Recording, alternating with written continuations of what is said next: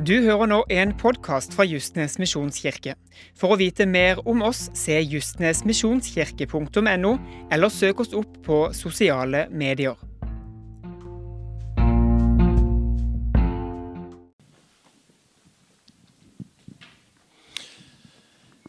Nå skal vi ha to søndager der vi skal fokusere litt ekstra på Bibelen som Guds ord, og hva det vil si. Det skal jeg prate om i dag. Og Neste søndag så har jeg lyst til å prøve å hjelpe deg og meg til å få gode bibelvenner. Og ikke minst til å prate om hvorfor det er viktig at vi har gode bibelvenner. Det har kommet en ny bibeloversettelse som jeg er veldig glad i. Den heter The Message. Den kom for noen få uker siden. Og Der er Bibelen på veldig enkelt, moderne språk. Så Hvis du vil bare lese Bibelen og forstå alt du leser, så kjøper du denne. Enkelt og greit. Du kommer til å forstå alt, men det kommer til å utfordre deg mer enn en vanlig bibel gjør. For dette er enda mer direkte og litt mer personlig, vil du bare merke når du leser det. At ordene som blir brukt, er litt annerledes enn de som står i en vanlig bibel. Så For å gjøre det lett for dere, så har jeg eh, personlig kjøpt inn en del bøker, eller bibler. Så ute i gangen så ligger der bibler, så kan du bare vippse til meg hvis du har lyst til å kjøpe en etterpå. Null press, det er bare en mulighet, sånn at du slipper å reise til bokhandler for å kjøpe så har du muligheten der. Jeg har vært på hyttetur i helga med gamle kompiser fra ungdomstida. Han ene hadde ikke sett på mellom fem og ti år, og han andre var vel tre-fire år siden sist. Og han ene så jeg i fjor, iallfall én gang. Men det er ikke venner som jeg er så mye med. Men i ungdommen var jeg jo med de hele veien. Og når vi var sammen, så var det jo bare Det trenger ikke gå et sekund engang. Det sitter. Dere vet hvordan det er, den følelsen. Så blir det veldig mye nostalgi, så blir det veldig mye prat om folk fra Sokndal. Sånn er det jo bare. Hele gjengen er jo derifra. Og så kjører du den runden. Og så håper jeg at det skal være litt sånn for oss eh, med Bibelen at om det er lenge siden du leste Bibelen, eller om du leste den i dag eller i går, når du begynner å lese, så kjenner du at ja, det var godt å komme tilbake igjen og lese Bibelen. Det var godt å ha litt fokus på Guds ord. At du bare merker det med en gang, så er du og Jesus litt der. At dere bare er sammen i det du leser Guds ord. Det håper jeg at det skal være sånn. Jeg kjenner jo det at Bibelen utfordrer meg. Noen som er enig med det? Kan dere føle dere utfordra av Bibelen? Hvis ikke er du ekstremt hellig, og det er fint hvis du er det. Men for dere andre så kjenner iallfall jeg at Bibelen utfordrer meg mye. Og jeg kjenner noen ganger at jeg er litt, litt i konflikt med Bibelen. At jeg er sånn Ja, men Jesus, må du si det sånn? Og så ja, Jesus sa det sånn, og så må jeg forholde meg til akkurat det. Jeg kan synes at han er vanskelig. når jeg kan kjenne på det? Ingen. Det er jo helt nydelig. For en gjeng. Tror bare jeg stopper prekenen min her og nå, for dette kan dere. Det noen som syns at eh, Bibelen kan være litt urettferdig av og til? Hvis du leser Gamle Testamentet, så tenker du noen ganger hva skjer her? For der er det mye rart. Det er mye jeg ikke forstår. Men så har jeg landet på, som pastor og som menneske, at jeg står på denne boka her, bokstavelig talt. Jeg slipper den boka ned der, og så setter jeg mine beina på den. Og så er det denne boka her jeg bygger hele livet mitt på. Om jeg kan føle meg uenig, om jeg kan synes at noe er vanskelig, så legger jeg det i Guds hender og sier men Gud, det er deg jeg tjener. Jeg kan ha andre følelser og andre meninger, men jeg bøyer meg for det som står i denne viktige boka her. Når jeg forbereder en tale, så sitter jeg og tenker Det jeg sier nå, hvordan vil det påvirke f.eks. de som jeg vet i menigheten har det krevende i ekteskapet? Jeg kan jo tenke, Hvordan vil dette påvirke de som har fått en urettferdig sykdom inn i familien? Hvordan vil de oppleve det som jeg sier? De som sliter med tvil, hvordan vil de oppleve det som jeg sier nå? Eller de som sliter med altfor mye tro, hvordan vil de oppleve det som jeg deler nå? De som syns det er vanskelig med nåden, hvordan vil de oppleve det som jeg deler? De som er i motsatt grøft, at eh, nei, men jeg gjør hva jeg vil, hvordan vil de oppleve det som jeg deler? Så Hver gang jeg sitter og forbereder en preken, så sitter jeg og tenker på folk i menigheten. Og så, så spør jeg Den hellige ånd, da. Gud, eller Hellige ånd, hvordan kan jeg på best mulig måte si dette, sånn at alle kan kjenne at de får noe i løpet av den dagen eh, som de hører det som jeg sier. Og så er det det at mitt pastorhjerte det knuses jo hele veien. Og jeg jobber med, Jesus, og sier, så sier jeg noen ganger til Jesus til i dag òg at Jesus, må jeg virkelig si det? Ja, du må si det. I kjærlighet til den kirka som du får lov til å være leder for. Og så vet jeg òg det at det, i Bibelen så står det at hvis du er lærer, så skal du få en hardere dom. Og jeg er pastor og lærer. Og Det vil si at på dommens dag så kan jeg kanskje slite litt mer enn noen andre her inne. Fordi at Gud skal rett og slett dømme meg ut, ut ifra hva jeg ikke har sagt, og hvordan undervisning jeg ikke har ført som leder og som pastor. Derfor er det veldig viktig for meg å gjøre så godt som jeg kan for å ha en god og rett lære. Jeg er aldri noen gang ute etter å ta noen eller såre noen. Jeg er ikke det. Jeg er ute etter å dele de ordene som jeg opplever at Gud legger på hjertet mitt. Og så håper jeg jo at alle alltid skal oppleve Guds kjærlighet. At Gud er god, at Gud er fantastisk, at Gud bare vil det aller meste. Når jeg var 15-16 år gammel, så kunne jeg oppleve å være bibeltro at det var litt mer som en snøballkrig.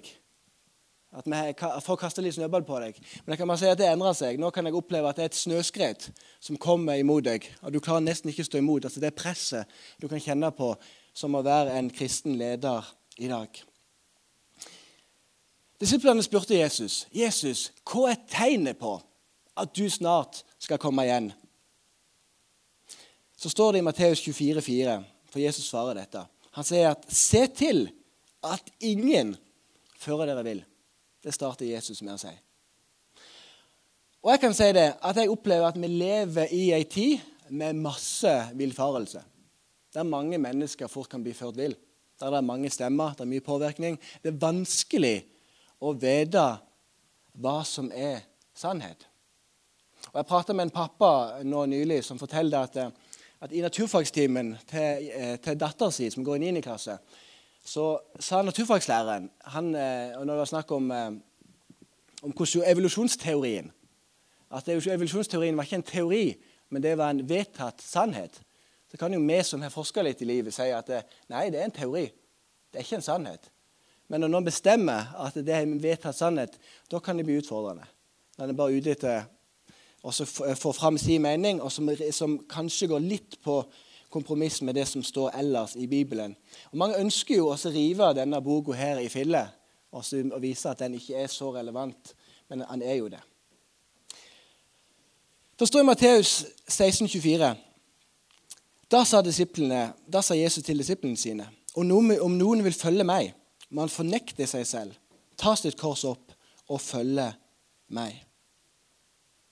Jeg syns mange ganger at det er mye enklere å følge Jesus på mine premisser kan noen kjenne på det? det er Mye enklere å si men Jesus, jeg vil følge deg, men jeg vil helst bare gjøre det sånn som, som jeg føler at det er greit. Sånn og sånn og sånn, og så blir det mye greier. Men så er Bibelen veldig tydelig på at vi skal følge Jesus på hans premisser.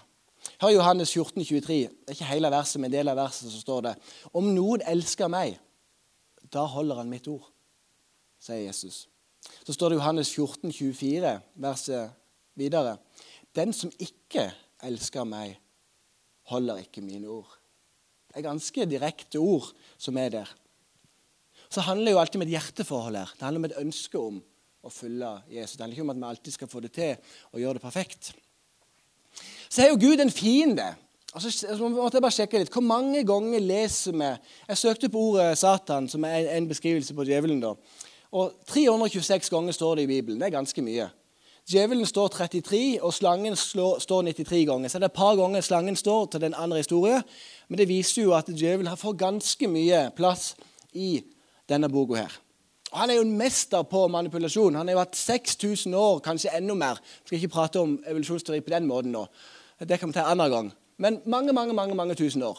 Om du mener det eller det, det er ikke så viktig akkurat der. Men han har hatt mange år på å trene seg til hvordan kan jeg lure menneskene til å tro det eller det eller det eller det det er han virkelig ekspert på. Så det foregår jo en krig. Kan dere kjenne det noen ganger? Du er engelen her, og så er du djevelen på andre skulderen. Det kan iallfall jeg kjenne noen ganger i et valg eller i Norge som jeg står i.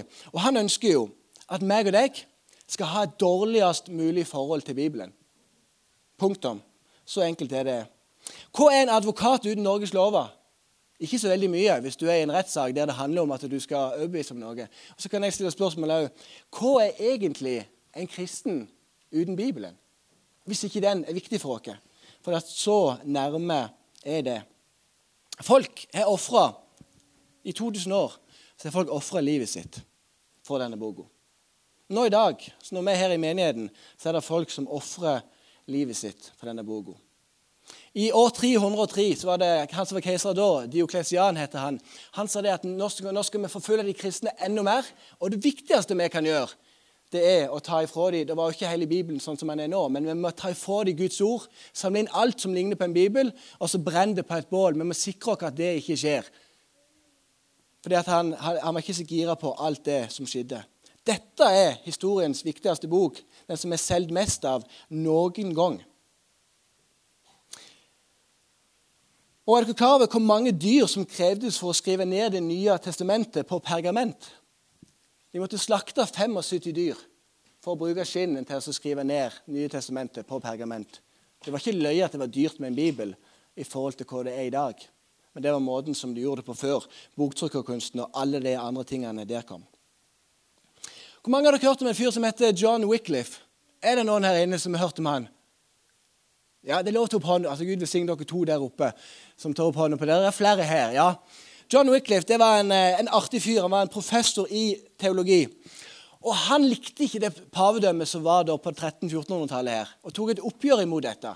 For Bibelen fantes bare på latin, han fantes på gresk og han fantes på hebraisk. Og Vanlige folk kunne ikke latin, gresk og hebraisk, så de kunne med andre ord ikke lese Bibelen. Så han begynte å oversette Bibelen til engelsk. Og det likte ikke folk i det hele tatt.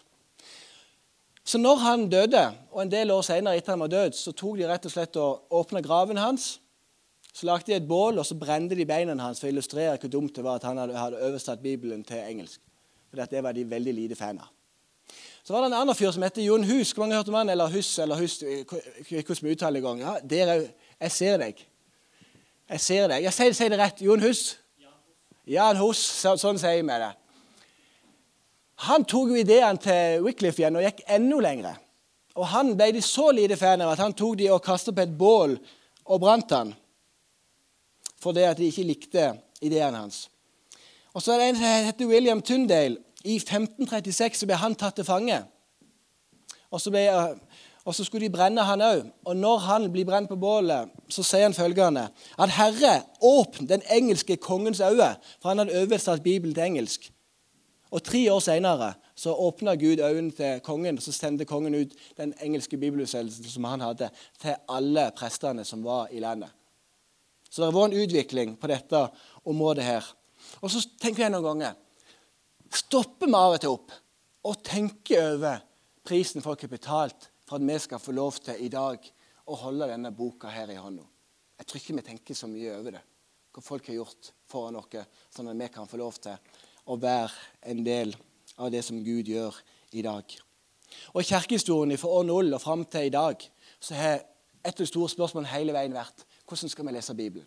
Hvordan skal vi tolke Bibelen? Hvorfor er Bibelen viktig? Hvor bøker skal vi ha med i Bibelen? Hvorfor er vi med de bøkene? Hvorfor er vi ikke med de bøkene? Skal ikke prate så mye om det akkurat i dag, men dette har vært så viktig. Og så er det jo vår gode venn Martin Luther som også fant ut at jo, det er jo Skriften alene. Det er Bibelen. Det er det det handler om. Det er så viktig så sa han jo andre ting òg, men han var så opptatt av Bibelen.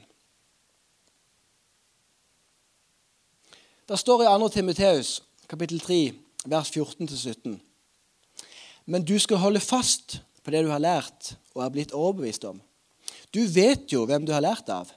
Helt fra du var et lite barn, har du kjent de hellige skriftene, og de som kan gi deg visdom til frelse ved troen på Jesus Kristus så står det her Hver bok i Skriften er innblåst av Gud og nyttig til opplæring, tilrettevisning, veiledning, oppdragelse i rettferd, så det mennesket som tilhører Gud, kan være fullt utrustet til all god gjerning.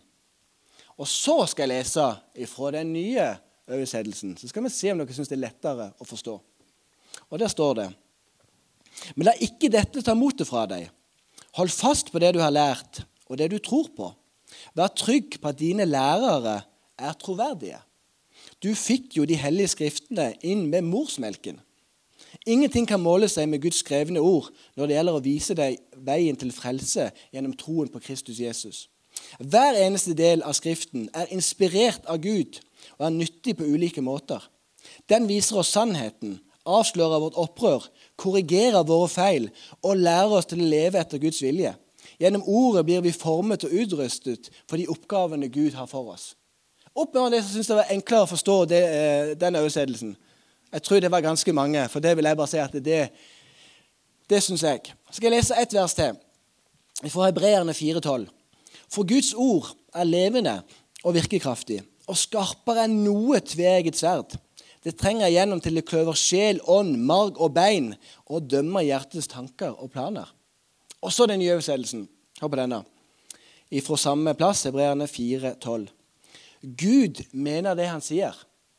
Det han sier, gjelder. Hans mektige ord er skarpere enn en kirurgisk skalpell.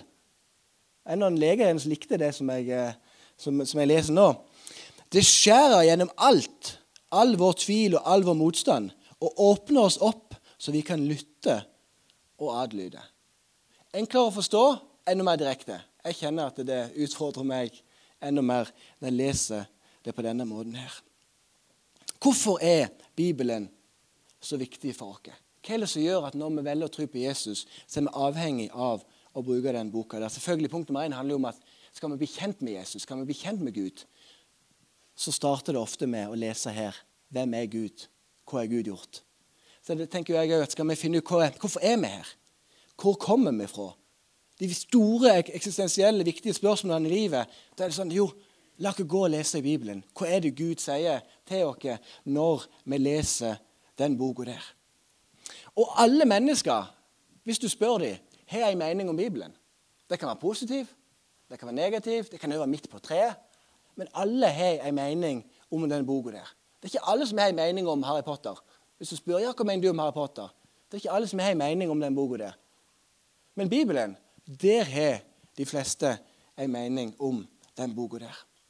Og jeg tror det at Bibelen det er Guds ord i menneskets skrevne ord. Det vil si at det er 100% menneskelig, men samtidig så er det òg 100% Gud. At jeg tror at mennesket har fått inspirasjon fra Gud til å skrive ned det som står i Bibelen. Jeg leste et sitat som jeg bare må lese for dere, som Carl Fredrik Wisløw, en eh, teolog, har skrevet. Han sier det, at en troendes forhold til Bibelen henger nøye sammen med hans forhold til Jesus Kristus. Tenk på det. At en troendes forhold til Bibelen henger nøye sammen med dens forhold til Jesus. Jeg syns det var Det talte iallfall til meg når jeg leste det. Og Martin Luther har sagt at Jesus Kristus han er Skriftens kjerne, og han er Skriftens stjerne. Det er bra sagt det på 1500-tallet. Det er noe som folk kunne skrevet på Facebook i dag, tenker jeg. Men Luther sa det 500 år forut for sin tid. Og det kan vi få lov til å si. At når vi leser Bibelen, når vi leser Det gamle testamentet, når vi leser Nytestamentet, da handler det om å lese det med å ha fokus på Jesus. For Det gamle testamentet det peker på at Jesus skal komme. Og Det nye testamentet det handler om hva Jesus gjorde når han kom, og Så reiser han til himmelen. Så får vi lese apostlenes gjerninger og hva Jesus brukte de første kristne til. Så får vi lese alle brevene som er der, og se hva Jesus gjorde, og hva Jesus gjør, og hva Jesus kommer til å gjøre i tida som kommer. Så når vi leser Bibelen, så må vi alltid ha med Jesus i det som vi leser. For det er han alt handler om. Og så er det en teolog som har sagt det fint. Han har sagt det er fire ting, fire sannheter om Bibelen. Og Det ene er at Bibelen er klar og forståelig for alle, mener han. At Du trenger ikke å ha mastergrad eller doktorgrad i teologi for å lese Bibelen og forstå ganske mye. Du kan sette deg ned, så kan du be Den hellige ånd. Vis meg noe når jeg leser i dag. Så kan du oppleve at han viser deg noe når du leser det. Og når Martin Luther oversatte Bibelen til tysk på 1500-tallet, da skjedde det noe. Når vanlige mennesker kunne lese Bibelen på tysk, det forandra absolutt alt. Og mange så òg at mye av den læren som var på den tida, var jo feil. For de kunne lese det sjøl, og så forsto de at det er jo en nådig Gud. Hva var det Luther kjempa med hele livet? Jo, det var jo det. Jeg må finne meg en Gud som er nådig. Eller er Gud nådig? Og så fant han ut at ja, Gud, han er nådig. Det andre den teologen sier, at Bibelen er nødvendig. Og Det betyr at for å bli kjent med Jesus og Gud, så trenger vi også lese i Bibelen. Paulus sier det at troen kommer fra forkynnelsen, og forkynnelsen kommer fra Guds ord. Og Det tredje han sier, er jo at Bibelen den er tilstrekkelig. At når vi leser den, så kan vi få svar på veldig mange spørsmål her i livet. Og Det fjerde han sier, som er, som er så viktig, det er at Bibelen har autoritet. At det ikke bare er menneskeord, men at det er Guds ord. Så må vi bare utfordre hverandre. Kjenner vi at vi klarer oss å ta denne boka så seriøst som Gud ønsker at vi skal gjøre? Kjenner vi at vi klarer oss å sette beina som, sånn, som gjorde i starten, på den og si at jeg står på det som står her. Selv om jeg ikke blir like populær når jeg gjør det. Selv om jeg er litt annerledes når jeg gjør det. Selv om jeg skiller meg litt ut når jeg gjør det. Og så kan vi ha forskjellig forhold til Bibelen. Noen elsker jo denne boka. Og nå syns at den har vært så krevende og vanskelig. Og alt det må vi ta med oss. Og det er derfor jeg håper at, at, Hvis dere kjøper den og begynner å lese den, så håper jeg at det vil gi dere økt bibelglede. At dere vil kjenne at jo, men dette var gøy. Dette var spennende. Dette var en ny måte å lese Bibelen på, og som påvirker meg på en litt annerledes måte. For jeg tror jo at vi som troende trenger å lese i denne boka. her. Om det er ett kapittel til dagen eller et vers til dagen, det er ikke det viktige her. Men det at vi hele veien bare klarer oss å lene oss inn på Gud og så spør, spør Gud om Gud, hva, hva sier du? Hva ønsker du å si til meg? For jeg opplever personlig at ofte når jeg leser i Bibelen, så opplever jeg kanskje oftest at det der taler Gud til meg. Jeg leser noen ord. Jeg kan ha lest dem 20 ganger før, men plutselig så bare lyser det opp for meg. Oi, det var det du egentlig mente med det som står her. Og så kjenner jeg at det gjør noe med meg. For Hvis vi bare hører på alle de andre stemmene, nyhetene, Instagram, Snapchat, aviser alle mennesker rundt dere, og aldri stoppe opp og lene dere inn på ja, men, hva sier du, Gud? Da er det vanskelig å være påkobla på Jesus. Og jeg tror at det er kanskje aldri vært vanskeligere for oss moderne nordmenn å være påkobla Jesus enn det i dag. Jeg tror det. Det er ikke noe forskning på det, altså, men jeg tror det. For det er så mye ting som hele veien vil ta vår oppmerksomhet. Det er så mye som vil dra oss vekk fra det som er viktig. Og Da kan vi kjenne at det er vanskelig å lene oss inn på Bibelen, på Guds ord, og på det som Gud vil at vi skal lene oss inn på. Vår respons kan være at vi vil høre Guds ord framfor alle andre ord. Og så vil vi gjøre etter det som står her i Bibelen. Så er ikke det alltid like enkelt. Men jeg kan merke at når jeg er i de, i de periodene der jeg prioriterer å lese i Bibelen og prioriterer å være sammen med han, da merker jeg at det gjør noe med meg. Det gjør noe med måten jeg fokuserer på livet mitt på. Det gjør noe med min brann i forhold til Jesus. Det, det gjør noe med min brann i forhold til andre mennesker. At jeg har lyst til å vinne flere mennesker for Jesus. Det merker jeg når jeg, når jeg er der, eh, at jeg lener meg inn, så prøver jeg jo å være det hele veien. Siden jeg er tross alt pastor òg, så har jeg jo et ansvar for å være der og lene meg inn på Jesus. Men du kan få lov til å være med og lene deg inn på Bibelen. Få lov til å, å, lene deg inn på Guds ord. Og Jesus sier i Johannes 14, 6, Jeg er veien, sannheten og livet. Jesus, han er veien, sannheten og livet. Han er sentrum for alt det som jeg holder på med. Og jeg er sånn at, å, Kunne bare mennesker de som ikke tror på Jesus, kunne de bare finne møtt Jesus, kunne de bare sett Jesus sånn som jeg har sett den, da kunne de ikke sagt nei. Det er min teori i alt jeg holder på med. For så bra er han. Så fantastisk er han. Jeg tror vi glemmer noen ganger òg det. Hvor fantastisk god han er. Og Hvorfor vi gidder å gå i kirka en søndag eller leve livet fra det? Jo, det er fordi han er så god. Det er fordi han elsker oss så mye. Det er fordi at Gud velger å gi sin sønn for alle mennesker, sånn at vi kan få lov til å være sammen med Gud. Så fantastisk er Gud. Og Da må vi stoppe opp med men hva forhold har vi til Gud? Hva Guds forhold har vi? Tenker vi at Gud er en hard Gud som bare vil dømme oss? og at Bibelen er en hard bok som bare vil dømme oss, da blir det krevende. Men hvis vi klarer å ta et steg tilbake og lese Bibelen og se ja, men Gud er jo 100% kjærlighet Han elsker oss. Han vil det aller beste for oss. Og klarer vi å ha det fokuset, så kan jeg bare love dere det blir totalt annerledes å lese i den boka her. For Da blir det ikke sånn at du må ditt, du må datt. Nei, det blir mer sånn jeg har ikke lyst til å gjøre det og det fordi at Jesus sier det, og fordi at Jesus elsker meg så ekstremt høyt.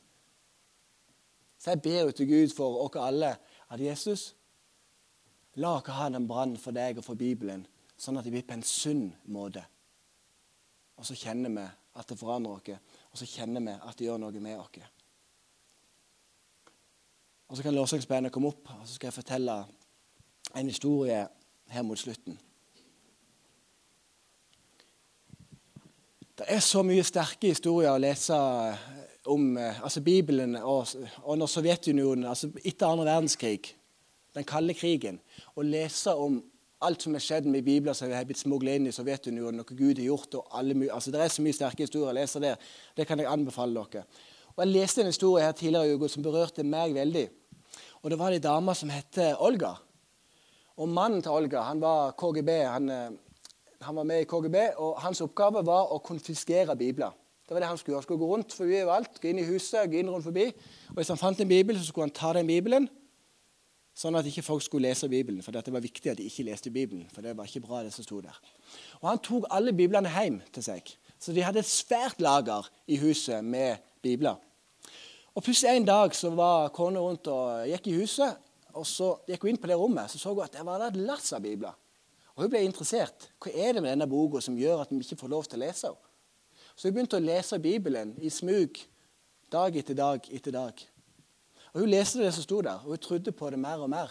Og Til slutt så endte hun med å ta imot Jesus fordi at hun trodde på det som sto i Bibelen. Og det forandra livet hennes. Og Nå i dag så, jeg, så jobber hun i Ungdom i oppdrag i Russland og er med oss og sprer evangeliet til andre mennesker. Hun fikk tak i en bibel. Det var ikke en venn, det var ikke en pastor som forteller hvem Jesus var. Hun fikk tak i denne boka her. Så begynte hun å lese, og så merka hun at det forandret livet hennes. At hun bare måtte ta imot Jesus som herre og frelser. Det er sterkt. At det er kraften som finnes her.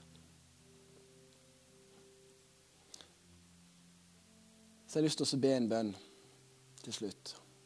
Kjære Jesus. Jeg ber deg om at du skal vekke bibelglede og bibelbegeistring i våre hjerter. Ikke sånn ta deg sammen, bibelglede og begeistring. Nei. Men sånn Jesus, jeg kjenner at jeg har lyst til å lese i ditt ord. Jeg kjenner at ditt ord gjør noe med meg. Jeg kjenner at det utfordrer meg. Jeg kjenner at det blir annerledes når jeg gjør det. Så bare ber deg Gud, tenn en sånn en bibelkjærlighet og forelskelse i alle våre øyne sitt hjerte. Sånn at vi kan stå på ditt ord. For ditt ord, Jesus, det er 100% sannhet. Det er ekte, og vi tror på det som står der, far. Så legger jeg de som er inne og kjenner på fordømmelse i forhold til jeg skulle ha lest Bibelen, jeg har ikke gjort det nok. Og, og ber deg om at nei, ta all fordømmelse på deg, Jesus. Og heller la det, la det bli sånn at du, du trekker deg i tida som kommer nå, imot Bibelen. At de får lyst til å lese, ikke av tvang, men av inspirasjon. Så jeg ber deg om det fra start en bibelvekkelse i denne kirka. For de minste til hvis største Jesus. Det er bare å be deg om, far. Så velsigner du hele denne kirka her i Jesu navn.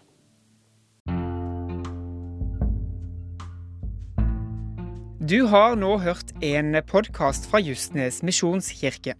For å vite mer om oss, se justnesmisjonskirke.no, eller søk oss opp på sosiale medier.